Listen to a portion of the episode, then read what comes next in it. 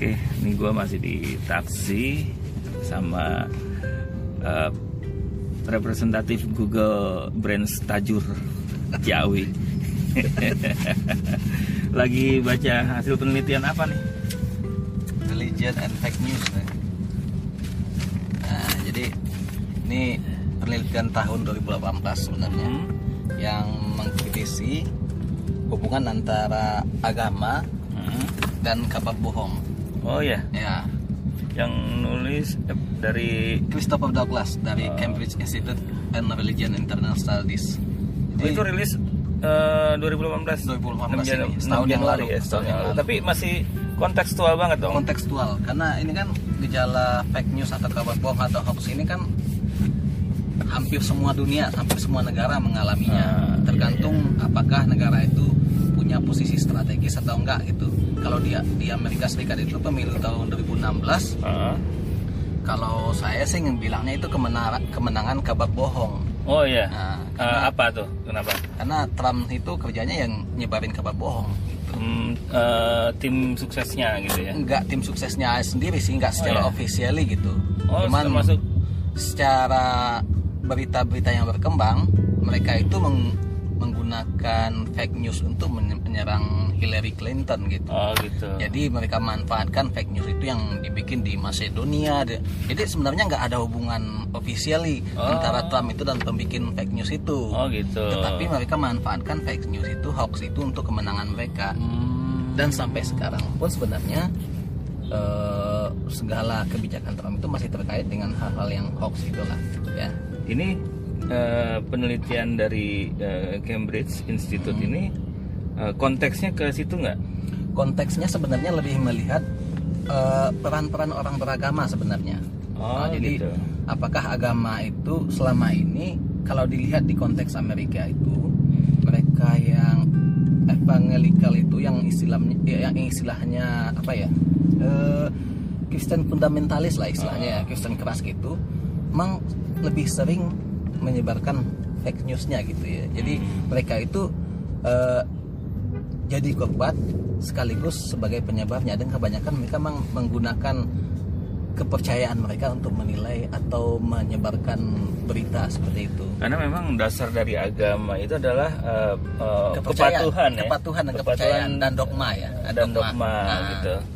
Cuma itu kan untuk konteks ritus ya ritual-ritual Ritual. Nah. ibadah ritual itu mah no problem no itu kan problem justru itu uh, Perlu. sesuatu yang didorong sebenarnya orang disuruh sholat harus Eh, sholat, sholat, nah, gitu. suruh puasa puasa, Iya.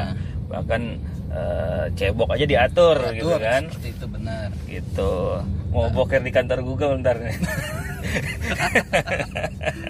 tapi pada di konteks muamalah hubungan sesama manusia kita Hmm. agak ketika faith itu agak tidak bisa ya Nah di situ dalam konteks muamalah, dalam sosial politik, apalagi itu nggak bisa mengandalkan dogma, nggak bisa kita mengandalkan dogma. kepatuhan Nah, ya, karena di situ perlunya kita dikasih Tuhan critical thinking ya. critical thinking brain atau otak gitu ya Hmm. jadi semakin kritikal kita semakin kritikal semakin ana- analisis kita Hmm. melihat suatu berita kita akan semakin terhindar pada dari hoax itu Nah, itu yang namanya uh, dalam konsep uh, agamanya afala taqilun afala yatafakkarun. Apakah lo pikirkan guna uh, lo pakai otak lo nggak gitu? Nah, seperti itu. Gitu kan. Nah, jadi gitu ya. kepala itu bu- bukan buat penghias sebenarnya. Jadi Hmm. kebanyakan kita itu kan sebenarnya lebih lebih di bawah kepala itu untuk menghiasi tubuh kita misalnya kita lengkap gitu. Oh gitu. Sebagian besar orang seperti Iya, itu iya. bukan buat berpikir bagi mereka sebenarnya. nah itu repotnya kan gawat juga lo bilang bukan sekedar penghias. Iya sih mana ternyata cuma buat hiasan doang ya. Iya. kebanyakan orang sekarang dengan adanya sosial media media sosial seperti Twitter Facebook itu memang nggak menggunakan otak mereka sebagaimana mestinya. Mereka lebih menggunakan ya perasaan kekuatan kelompok seperti seperti seperti itu Nah, kembali ke penelitian ini. Dalam penelitian ini diangkat nggak eh, kenapa orang-orang yang eh, percaya dengan dogma-dogma itu dia lebih mudah menyebarkan hoax dan juga lebih mudah menjadi korban hoax. nah, ada tiga keterkaitannya sebenarnya Apa tuh? Nah, jadi berita bohong itu biasanya bersirkulasi di antara lebih banyak di orang Amerika dibanding Eropa. Oh, Pertama, ya. kedua eh, berita bohong itu lebih banyak di orang konservatif daripada orang liberal. Ya Nah, yang ketiga berita bohong di orang konservatif itu biasanya temanya agama. Oh. Hmm, jadi semakin konservatif dia Mm. semakin banyak tema agama yang mereka bahas dan semakin banyak bohongnya kabar bohongnya seperti itu. Hmm. jadi mereka sebenarnya sekaligus sebagai korban sekaligus sebagai penyebar jadi kalau kita lihat penelitian ini misalkan mengemas informasi yang sebenarnya belum tentu benar dengan kemasan agama dengan gitu ya. kemasan agama makanya kita, kalau pagi-pagi kita lihat kita buka grup WA itu Mm. orang dengan santainya menceramahi kita dengan suatu dengan fakta yang sebenarnya Oh, iya, masih iya. bisa kita eh, uji gitu ya Mm. mereka nggak tahu umpamanya kemarin itu contohnya Erdogan mengatakan eh, selamat kepada Jokowi gitu iya Nah, sebenarnya itu kan selamat menyelenggarakan pemilu saja Mm. nah, ketika Erdogan di, a- diasosiasikan sebagai tokoh agama Islam. Baik, dia itu dibikin fake newsnya Erdogan mengucapkan kemenangan Jokowi. kemenangan Jokowi padahal enggak padahal enggak. Konteksnya Itu enggak Konteksnya untuk mendorong isu-isu agama, tema-tema agama itu. Hmm. Seperti itu. Jadi orang-orang yang konservatif, Mm. yang agamanya kuat, itu biasanya tema-tema itunya pasti tentang agama. Fake news pasti tentang agama. karena pada uh, basicnya, Basicnya, orang gampang percaya kalau gampang itu udah percaya. dikemas dalam dalam bentuk kemasan agama. karena agama. mereka tinggal Uh, karena karena tadi itu faith-nya itu faith sama Faith. dogmanya itu kepercayaan sama dogmanya itu yang mendorong mereka langsung percaya makanya nggak aneh kalau kita di WA orang tiap hari forward forward oh itu seperti itu Ah. ya, terutama eh, temanya agama. Karena mereka langsung walaupun sebenarnya yang harus kita sadari yang salah sih bukan agamanya. Bukan agamanya. Tapi penganutnya ini Penganutnya ini. yang terlalu ya eh, mudah eh, apa kurang kritik Kurang- sih. Kurang. Kritis kurang sih. Apa kritis. itulah cri- critical thinking critical itu. thinkingnya nggak Eh, nggak ya dipakai. tafakarun ya takilun Nah, itu loh. seperti itu. Jadi agamanya mah nggak ada kesalahan. Masalah. agama itu Nah. mengajarkan kepada kebenaran ya. Justru oh, poin-poin agama seperti itu dibungkus sedemikian rupa menghasilkan hoax baru seperti itu. Ya macam lah yang bisa kita lihat ya. Banyak banget itu oh, tema-tema agama yang sebenarnya ada di ada dimunculkan sebenarnya di kitab suci, cuman di dialih fungsikan untuk menyebarkan hoax seperti itu. Eh, penelitian ini eh, poin simple yang disampaikan Nah, poin simpelnya ada ya sebetulnya ya. eh, Eh, pertama agama itu sering sekali sebagai subjek dari berita bohong. ah itu dia Nah, yang kedua eh, orang-orang yang percaya agama, religious believers itu Eh, merupakan target audiens dari fake news. berita uh, fake news Eh, Nah, ini karena khusus penelitiannya di Amerika sama Ya. Eropa, mereka Ah. menekankan satu yang penting particular form of Protestant fundamentalism. Jadi orang-orang Protestan fundamentalis itu memang orang-orang yang historical origin of fake news. Jadi mereka itu asalnya asal dari secara sejarah eh, asal dari apa berita bohong itu. Kalau kita lihat di sini sebenarnya karena agama itu sama-sama mengandalkan dogma dan kepercayaan, kemungkinan Islam juga nggak bebas dari hal seperti itu. Dan kita bisa melihat di sini juga kan paling keras itu Ya. sisi, sisi kanan ya, sisi Iya, kanan sisi sini kanan. sama. Ah. Kalau sana sisi kanannya kan Protestan, Protestan. ya. Kalau ini kan di sini sisi kanannya Islam seperti itu. Nah, ini penting juga dikatakan bahasanya eh, penelitian ini menunjukkan bahwasanya semakin cepat orang sem- eh, semakin sering ya nih Hmm. saya lihat di sini ada tiga ya ini nah, ada eksperimen yang mengatakan bahwasanya mak- more people hear fake news story the more people believe it. Jadi semakin banyak orang mendengar berita bohong semakin percaya dia. Oh nah seperti iya, itu. iya, iya, nah iya, semakin iya. percaya dia. Oke. Dan itu akan meng- karena lain karena adanya interaksi di media sosial internet mereka itu mengeras. Mereka nggak bisa kita omongin lagi. Betul. Karena mereka Susah dikasih konsumsinya seperti itu. Nah, nah, Nah ini kalau yang terjadian itu kan banyak nih yang di membuat resah teman-teman nih di grup WhatsApp gitu Ah. yang kayak kayak kayak kayak gitu dikasih tahu oh nggak bisa nggak nggak bakalan bisa itu nggak Gitu. bisa dan itu usaha mubasir sebenarnya Mubazir, ya? Mubazir sebenarnya akan lebih baik sebenarnya kalau kita memunculkan fakta Nah, Nah, ya. jadi seperti ini. Eh ini bukan ini berita bohong nih. Salah kamu nggak bisa seperti itu. itu nggak bisa ya Kita berikan aja berita tandingannya. ini faktanya kayak gitu walaupun Nah, faktanya- eh, fakta yang di kita berikan pun juga akan diabaikan Akan diabaikan. Jadi- Tapi mereka bisa melihat sisi lain dari Hmm. berita yang mereka sebar itu. Oh, jadi nggak usah berharap mereka berubah juga Nggak bisa, nggak karena bisa. memang sulit ya Memang sulit. Nah, Lihat itu. dari pabrik Jadi, nah, gitu ya kebijakan yang secara aktif dan cepat menghapus fake news itu Hmm. itu sangat penting. Nah gimana kebijakan dari pemerintah Ya bisa jadi. Tapi di, dengan adanya media sosial, internet, kebijakan cepat dan aktif menghapus aja nggak cukup. Kan Mavindo kita Iya. lihat tuh aktif sekali bikin eh, apa?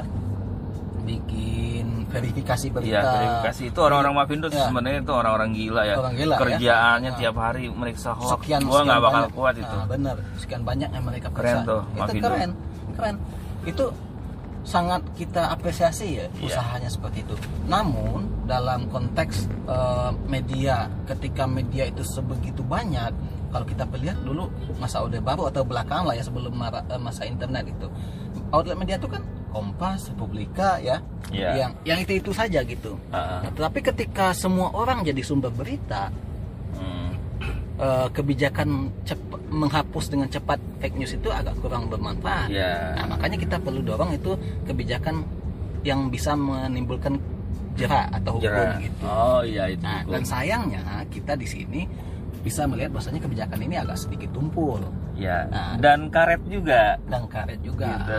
Jadi apakah kita bisa melaksanakan itu ya? Ini tergantung pemerintahnya Nah. saja sebenarnya. Dari awal- contohnya gitu kan. Hmm. Kenapa saya bilang karet?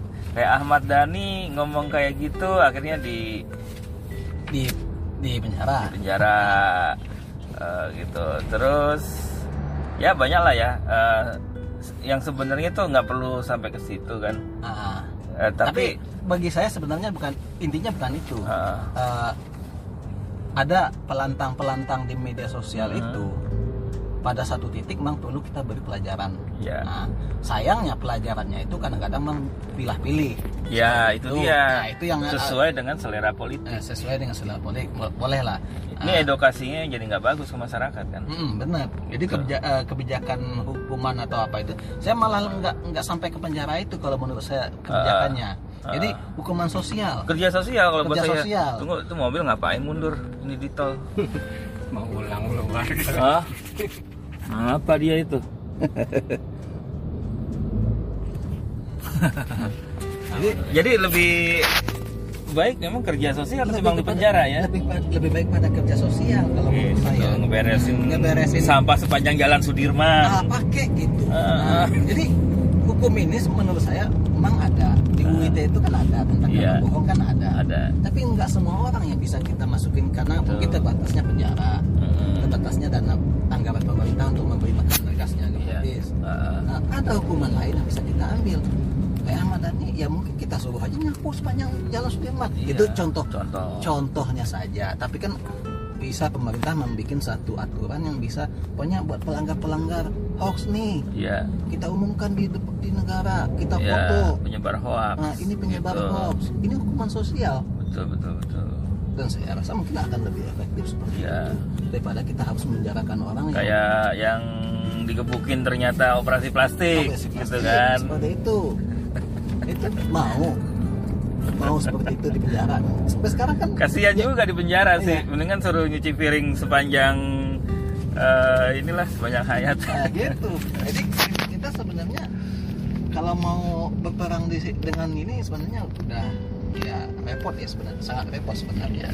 Nah, usaha-usaha seperti, Mavindo dan usaha-usaha berbagai eh, Kompas, SCTV apa eh, liputan 6 memverifikasi berita itu penting. Itu ya. Penting, tapi sampai di situ saja nggak nggak bisa kita berharap banyak. Karena itu terkait lagi dengan algoritma layanan, Nah. kumpulan mereka, kelompok mereka itu akan sangat susah, sangat susah. Nah, sekarang gini, kembali ke ngomongin algoritma. Berita bohong, misinformasi, eh Miss Universe nggak termasuk ya. Enggak. Eh, itu kan disebarnya di platform media sosial, Media sosial dan eh, messenger. Messenger. Ada nggak sih sejauh ini menurut eh, Pak eh, Erik dari Google Tajur Ciawi ini tanggung jawab platform contoh lah misalkan eh, Facebook dan Twitter tempat Hmm. ramainya orang-orang berantem di situ Oh, oke.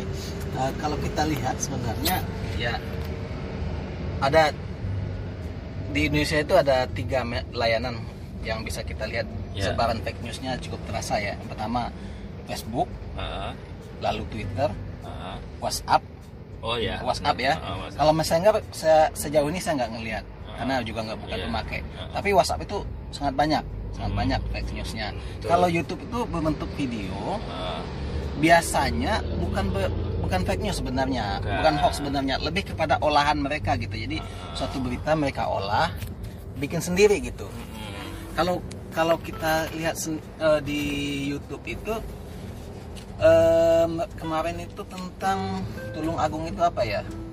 Penghit KPU apa gitu ya? Itu eh, benar berita hoax udah diklarifikasi. Tapi kalau di Twitter sama Facebook sama WhatsApp itu sebarannya cepat banget gitu.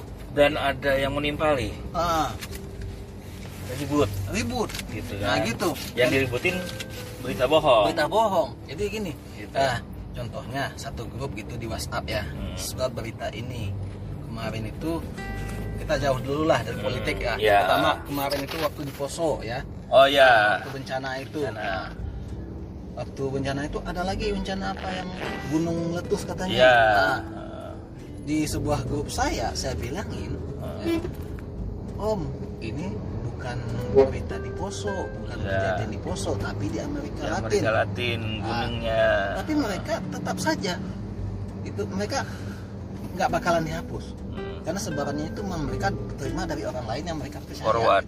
ya forward doang gitu nah kalau WhatsApp sekarang kan forwardnya tinggal 5 dibatasi ya Dibatasi, untuk forwarding. Nah, ya, walaupun gitu. sebenarnya bisa tricky juga bisa kita. bisa di copy juga bisa ah gitu ya. Jadi, tapi paling tidak menunjukkan WhatsApp eh gue udah tanggung jawab oh, nih. udah tanggung jawab gitu. nih. Nah, gitu ya. Gitu. Lumayan lah ya. Nah Facebook sekarang juga ada fact checkernya ya. Fact checkernya Nah. dan ini Facebook juga ngasih literasi juga eh, gimana eh, cara lo untuk eh, Melihat sebuah melihat berita sebuah gitu. berita gitu kan Kemarin itu ada iklannya di Kompas satu halaman gede ya. Oh, ya? Kita lihat eh, itu Facebook ada. Kalau YouTube itu ada YouTube Trusted Flagger namanya. oh YouTube Nah, Trusted Flagger Nah, ya Jadi mereka bisa memflag atau menandai berita-berita bohong. itu sama sama yang hampir sama dengan yang dikerjain sama Mavindo dong ya cuman ini khusus dalam bentuk video video Khusus di dalam YouTube ya. bentuk video di YouTube. Ya. Wow, keren juga itu orang-orang sebenarnya, flagger itu. Ya, keren sebenarnya kebijakan yang kebijakan proaktif dari Google yang patut kita YouTube apresiasi. ya. nah, gitu. Kalau di WhatsApp, kalau saya lihat sih sebenarnya gini. Di tahun yang lalu, ketika belum pemilu itu di, di India, ada kejadian yang aneh tuh. Gara-gara forwardan berita palsu di grup WhatsApp hingga menewaskan 24 orang. Hmm. Itu itu mulanya, mula sampai di 5 forward itu sampai sekarang itu itu kebijakan WhatsApp di India sebenarnya. Oh yang di India yang ada sangkanya penculik anak-anak Nah, itu penculik anak itu sampai dibunuh itu sampai orang di tuh ya, kesian banget. 24 orang di masa marah itu kan nah, jadi khawatirnya kalau itu umpamanya kita Jadi aman nggak Pak? enggak enggak pak oh, ini penuh Oh ada mobil. ada mobil itu Hmm. Badannya rong ke kanan. ya Iya. dorong kanan dia Hmm. Wih tunyo. nah Oh lihat tuh penyeberang Indonesia. Pagar pun di. nggak ada nggak ada ini bagi mereka oh. Mungkin karena memang susah macet ngejar waktu. Iya, Kalau telat ke kantor, nah, potong gaji kan Potong kasihan gaji. juga rakyat Benar. Indonesia. nah bener Tuh. Makanya ganti presiden sono. Kalau kita mah masa bodoh presidennya mau yang menang siapa kek, yang penting rakyat nyari duitnya Nah, ya jadi susah kemarin lah. itu- gitu. dari penelitian ini ada ada kesimpulan yang Eh satu lagi yang belum, Apa? jangan main cimpulin aja. Tadi kan udah bahas WhatsApp, ah, udah bahas bagaimana yang dilakukan sama Facebook. ah, Nah satu lagi nih, gua ah. suka up- sering update Instagram, Oh. Facebook gitu kan, Ya. yang yang yang happy happy cerita-cerita yang ya seru-seru gitu kan. Ya. Kadang-kadang juga ngelihat sih yang copres-capres gitu, cebong sama kampret. ya Tapi ketika buka Twitter, hampir 90% isinya perseteruan cebong sama kampret. Ini eh, yang di dalamnya juga ada eh, fake newsnya ya. Oh, Nah itu gimana sih tanggung jawab Twitter tuh? Ah, ini ini repot ya. Sa- Saya melihat di Twitter ini memang sistem pertama sistem pelaporan yang eh, yang lumayan lemah gitu ya. Ah, Contohnya gini, kalau kita melaporkan akun-akun tertentu atau apa eh, hoax tertentu gitu ya, atau biasanya hate speech lah ya yang Ya, banyak itu. speech, ah. Contohnya siapa sih ya? Ya pokoknya banyak lah yang Ya, kita laporkan itu.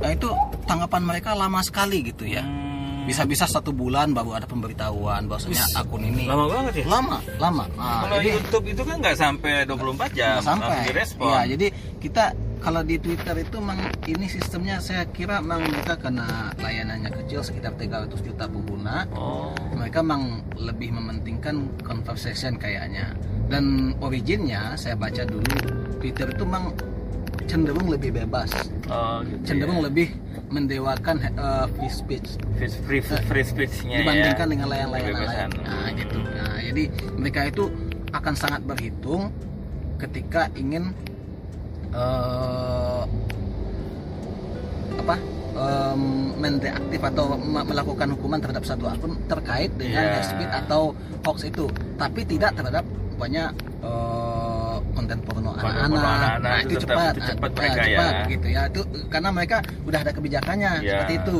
Tapi kalau soal speech, soal hoax itu mereka emang agak lamban, lamban lah untuk Apalagi ininya. soal konten-konten dewasa ya. nah konten dewasa Cuma gitu. bebas bebas aja. Bebas bebas aja. Jadi memang eh, memang Twitter tuh memang lebih bebas lah ya. sangat lebih bebas dibandingkan Iya. dengan Facebook dengan itu sangat lebih bebas. Kalau menurut saya sangat lebih bebas. Kita nggak bisa berharap banyak karena pengambil kebijakannya kan bukan di sini. Jadi ketika Oh, kita iya. melaporkan satu akun tertentu dilihatnya bukan di Twitter Indonesia, Kan tapi langsung di tapi langsung dari sananya. Nah, jadi kalau kita banyak kita nih pas flagger di YouTube Heeh. itu 24 jam itu bisa dihapus bahkan jangankan 24 jam Nah, Uh, 15 menit aja 15 kemudian aja bisa dihapus, kok. gitu ya Ah, karena kita gitu. dipercaya memberikan penilaian yang ini Iya. nah, saya inginnya pada itu Twitter ya saya paling sering lah ya Heeh. sering melaporkan sering ini ya tanggapannya kadang-kadang kita udah lupa ini dilaporkan dulu karena Ah, apa ya saking lamanya. saking lamanya gitu Jadi eh gitu ya. Eh, dan anehnya lagi ketika satu akunnya dihapus gitu ya Hmm. Twitter pasti tahu bahwa itu orangnya sama dia bikin akun lagi itu bisa gitu jadi banned itu nggak berlaku nggak berlaku per orang per akun kayaknya ya Hmm. jadi ketika pokoknya nih kita laporkan satu akun tertentu kemarin itu siapa siapa ya saya laporkan pokoknya yang itulah Adalah, ya, ya. adalah gitu ya Eh, yang- muncul lagi yang- deh. yang seleb itulah. Ah, yang seleb itulah lalu muncul lagi yang satu yang ini lagi dan Ah. dan anehnya itu followernya langsung rame langsung rame ya. langsung 66 ribu k gitu ya Bisa 6 gitu k ya? gitu iya saya heran ini mindahin doang atau gimana sih gitu ya Ah. jadi mestinya gitu kalau umpamanya dia di banned gitu bikin akun baru ya Nggak da- bisa. mulai dari, dari nol lagi, mulai dari nol lagi atau Atau mungkin- atau, atau ada marketingnya gitu kali enggak, ya. mungkin eh, ya eh, ada klaim Hmm. dari yang di ban itu. Dia mungkin klaim kenapa gue di ban Nah, kan kita ngasih tahu nih ini ada yang report akun lo karena lo melanggar kat- apa community Ah, guideline ah, gitu iya. kan. Cuma mungkin akhirnya kan ada negosiasi. Negosiasi. Sehingga tapi kalau terus berulang kan aneh juga kalau dibiarin terus gitu. Iya sih. Nah, mestinya kan berarti mereka memang lebih menghargai menghargai conversationnya dibanding dengan pelanggaran yang mereka yang istilahnya gini. Karena mereka lebih konver- menghargai conversation itu daripada aturan yang mereka bikin sendiri. Seperti itu. Karena setiap conversation mungkin yes, oh iya nah, ada uang. Ah, emang eh, di sana Iya. kan ada iklannya. Jadi gini eh, walaupun penggunanya kecil gitu cuman engagementnya tinggi kan itu kan uang mengalir. Iya karena kan eh, ujung-ujungnya yang namanya platform apa pun itu sebenarnya bukan bukan walaupun media sosial tapi mereka nggak buat sosial bro. Bukan. Tapi mereka itu komersil komersial. Nyari duit ada iklan di situ. Hmm. dan ini yang kadang nggak disadarin. Media sosial tuh gratis. Lu sosial banget sih? Gitu. Padahal lu bisa sial nasib lu gara-gara media sosial? Karena jempol Sosial. lo lebih cepat daripada pikiran lo daripada otak lo iya kan? Nah benar gitu. Tapi intinya ya media sosial platform yang ada Facebook Google eh, Instagram Twitter mereka cari duit di negara kita. Oh benar. Jadi apa pun yang terjadi ya eh, lo pinter-pinter lah ya. Lo ya ya jangan jangan cuma memanfaatkan untuk berantem gitu loh. Lo mendingan manfaatin cari duit juga ya kan? Untuk hal-hal yang positif. Banyak tuh buzzer-buzzer cuman jangan buzzer-buzzer yang mau dibayar hanya karena gara-gara konflik politik ya. Itu gitu. Demi dibayar 10 sampai 30 juta dukung nah dukung ini dukung itu. 01 atau 02 03 gitu. Kerjaannya bikin ribut janganlah yang kayak gitu mah gitu. Nah, jadi- mendingan jadi buzzer sabun mandi atau nah, sebelum colek lah. sabun colek lah gitu ya. Uh, atau provider yang uh, 4G 4G tapi tetap aja buka YouTube muyer-muyer itu bisa tuh lumayan tuh. Nah jadi kemarin itu gue udah baca di sini nih dari ini tuh. simpulannya Nah, gimana? simpulannya ada nih gue bikin nih. Lo udah tweet ya? Nah, aku udah tweet. Akunnya tuh apa sih lo Oh, so, Inside Eric Sosio Ah, Geek nah, Geek ya. Ah, gitu kira-kira ya. Jadi karena sirkulasi media itu begitu kencang gitu ya. Jadi kita kayak sempak baru ya eh, kenceng ya kenceng banget gitu ya. Jadi istilahnya kita itu berpikirnya lebih agak liberal dikit lah ya atau less konservatif gitu ya. Sing anak eh, berpikir secara analitik gitu ya. Eh, menentang dogma gitu ya. Jadi dok- menentang dogma ini maksudnya kita kita pakai dogma itu sesuai dengan. Proporsiannya. Untuk seperti itu. Nah, ritual. ritual gitu. ya. Lalu belajar gitu ya. Open minded, open minded gitu ya. Jadi pikiran terbuka, join open group gitu ya. Jadi media literasi termasuk kan di situ oh ya, media literasi termasuk Oh, pasti. termasuk ya. media Ah. literasi ya. Jadi media literasi itu maksudnya gini loh. Kita itu sekian banyak sumber berita yang bisa kita lihat setiap hari Ah. lalu lalang di, di timeline gitu ya. Hmm. Jadi nggak semuanya harus kita baca, nggak semuanya harus kita tarik perhatiannya atau gimana. Harus kita baca dulu gitu. Hmm. Jadi maksudnya gini, oh ini kabarnya gini, ini apa tuh di balik media itu? Apa semua sebenarnya mereka bikin iklan seperti itu? Apa itu? Jadi Hmm. media literasi itu tuh maksudnya kita itu ya berpikir lagi lah gitu ya. Eh, maksudnya gitu. Lalu out of closet jadi kalau punya pet group di Facebook gitu ya atau di WhatsApp gitu kalau emang nggak bisa lagi ya kita keluar saja. Itu akan lebih kalau emang susah ngasih tahu Iya. dinasihatin susah ngapain bertahan Ah, di situ? ya, gitu ya, ya. lalu ke, berikutnya ada out of social media. Jadi media sosial itu nggak nggak harus harian lah ya. Oh. Nah, nggak nggak harus setiap waktu ada di sana. Nah, seperlunya saja. Lalu yang ketiga itu life more independently. Jadi ini seperti ini hidup lebih merdeka Lebih gitu merdeka, ya. ya. Nah, jadi hidup lebih merdeka itu bisa pendapatannya bisa dari pendapatan sendiri gitu. Jadi Iya. kita nggak tergantung orang gitu. Ah, Jadi- apalagi tergantung bohir Oh, yang bayar bohir. buat ah, iya, iya. makin ya. iya, makin independen kita makin jauh kita dari fake newsnya itu Betul, betul, seperti itu nah independennya itu muncul dari yang hal tadi itu seperti eh, berpikir analitik belajar open minded seperti itu dan juga berusaha nggak terpenjara pikirannya dengan satu eh, satu dogma Ah, iya, satu satu aliran ah, kepentingan aliran kepentingan. Gitu. ya ya kalau kita lihat sekarang itu sesuatu itu hadir bukan tanpa satu alasan ini. Pasti ada alasannya. Nah itu yang harus kita lihat dulu mau gimana apa alasannya apa dibalik seperti ini. Ya, seperti itulah tinggal analytical itu seperti itu. Oke Em, bro gue tadi mau bilang guys cuman enggak lah kayak youtuber banget gitu. Kita bukan youtuber. Ini obrolan keren banget sama eh, Inside Eric tentang religion and fake news. Ya sebuah penelitian dari Cambridge Cambridge Institute. Cambridge Institute gitu ya. Ini perjalanan kita udah di sampai mana nih? Polda Metro Jaya kita tinggal belok kiri Tinggal belok nanti kiri, dikit lagi SCBD ini ke kantor Google ada apa nih? Eh, rencananya kita mau ketemu sama trusted flagger lainnya. Oh YouTube Trusted Nah, Flagger ini trusted flagger kalau buat kita sendiri ICT World itu ini udah tahun kedua ya. Oh ya udah tahun kedua kita. Nah, dan kita termasuk eh, termasuk trusted flagger yang paling aktif ya. Aktif dan akurasinya tinggi ya? Aktif dan akurasinya tinggi harus dipertahankan itu Hmm. Pak ya Kayaknya, sementara yang lain eh, mungkin baru mulai atau bagaimana mungkin karena tidak tersediaan sumber daya atau bagai alasan Makanya lainnya hari ini ada meeting ya untuk koordinasi lagi ya. koordinasi lagi Oke. Mudah-mudahan meetingnya jam berapa nih? Jam 9 ntar ya. jam 9 sebenarnya ya Oke. biasalah Jakarta bisa memaafkan ya Iya, Nah. jalur Jakarta. jalur eh, Jakarta ini macetnya udah wajar cuman satu nggak usah nyalain gubernur gitu. Gubernur biarin aja kerjanya sesuai dengan kerja dia. Gitu. jangan cari-cari kesalahan lah gitu. Kalau udah bego-bego aja gitu.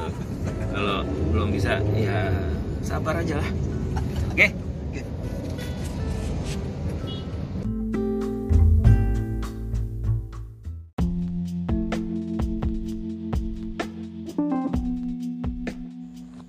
kasih buat teman-teman yang masih mendengarkan podcast MT.